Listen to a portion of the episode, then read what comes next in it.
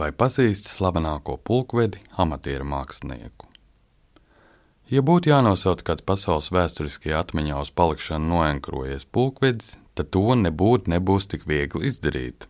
Varbūt atcerēsimies odiozo Lībijas diktatoru pulkvedi Muamaru Kadafī, varbūt Gabriela Garcijas Markes stāsta pulkvedim neviens neraksta galveno varoni. Taču ir vēl kāds pulkvedis, patiesības labad jāprecizē pulkveža leitināns Ludvigs von Zīgens, kuru vārdu būtu vērts iegaumēt, jo tieši viņš 17. gadsimta pirmajā pusē izgudroja vienu no izsmalcinātākajām grafikas iespēju tehnikām mecotintu.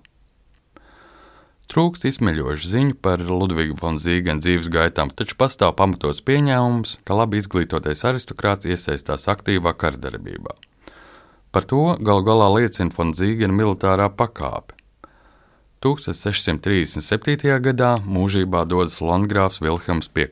Viņa pēcnācējam Vilhelmam VI tobrīd ir tikai astoņi gadi, tāpēc par Landgrāfa reģentu līdz tā pilngadībai kļūst viņa māte Amālija Elizabete von Hānava Mincenberga.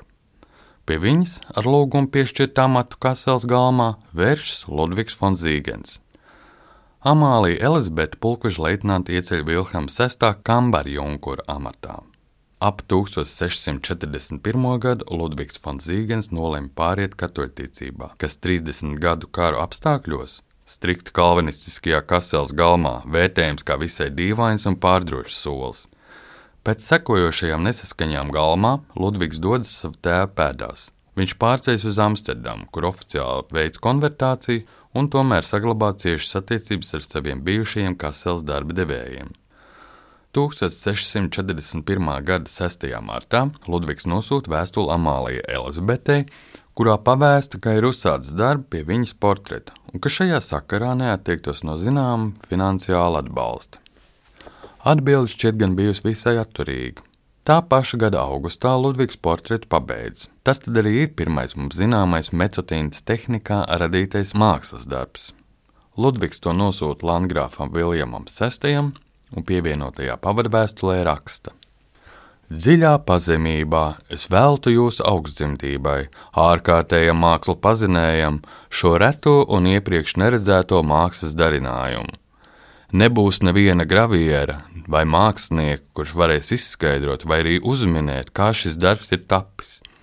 Un kā jūsu augstdzimtība to it labi zina, pastāv tikai trīs vispār atzītas gravīras metodes, un proti Pirmā ir gravēšana un grepšana, otrā - kodināšana ar skābi, jeb asēšana, trešā - reti izmantot metode punktēšana, kas tomēr ir tik sarežģīta un grūta nodarbe, ka reti kurš to praktizē. Mana metode ir pilnīgi atšķirīga. Jūs varat samanīt sīkus punktiņus, bet ne līnijas. Tomēr, ja šķiet, ka atsevišķi šī darba laukumi ir svītroti, tad tie tomēr ir viscaur punktēti, ko es nevēlētos no jūsu augstdzimtības, kurš tik labi pārzina mākslas, slēpt. Un patiesi, Ludvigs von Zīgena radītajā Amālijas Elizabetes portretā redzam vienlaidus laukumi ar dziļi piesātinātu ēnas daļu un vienmērīgām tonālām pārējām. Ar klasiskās gravīras metodēm tas nebija panākams. Savā vēstulē Fons Zīgens tomēr neatklāja, kādā veidā un ar kādiem instrumentiem šādu efektu panācis. Tomēr jebkurš metotīns pazinējs nešaubīgi piekritīs, ka darbā izmantot viņa sekotāju vēlāk patentēti amatrīki. Var tikai spekulēt, kas Ludvigu von Zīgenu rosināja veikt savus revolucionāros atklājumus. Te savu lomu spēlē gan pulkveža leitnanta izglītība liberālajā Morita kolēģijā Kaselē, gan mākslas un brīvdomības mekā Amsterdamā pavadītie gadi, kurā tas nešaubīgi sastapās ar Rembrandta van Reina ofortiem. Pateicoties savām tonālajām iespējām, mecotīnta ātri kļuva populāra eļļas gleznu reproducēšanā un grāmatu izdevniecībā. Mecotīnas tehnikas attīstībā nozīmīgs arī Anglijas pilsoņu kara veterāna, rojālistu kavalērijas komandiera Prinča Ruperta vārds. Būdams Hessens Kasels Landgrāfa Viljams VI brālēns, mākslās ieinteresētais militārists no sava radinieka ieguva informāciju par jauno iespēju tehnikas veidu. Pēc Stjorta varas restaurācijas un prinča Ruperta atgriešanās dzimtenē viņš par saviem jaunatklājumiem pavēstīja publicistam Džonam Īvlinam.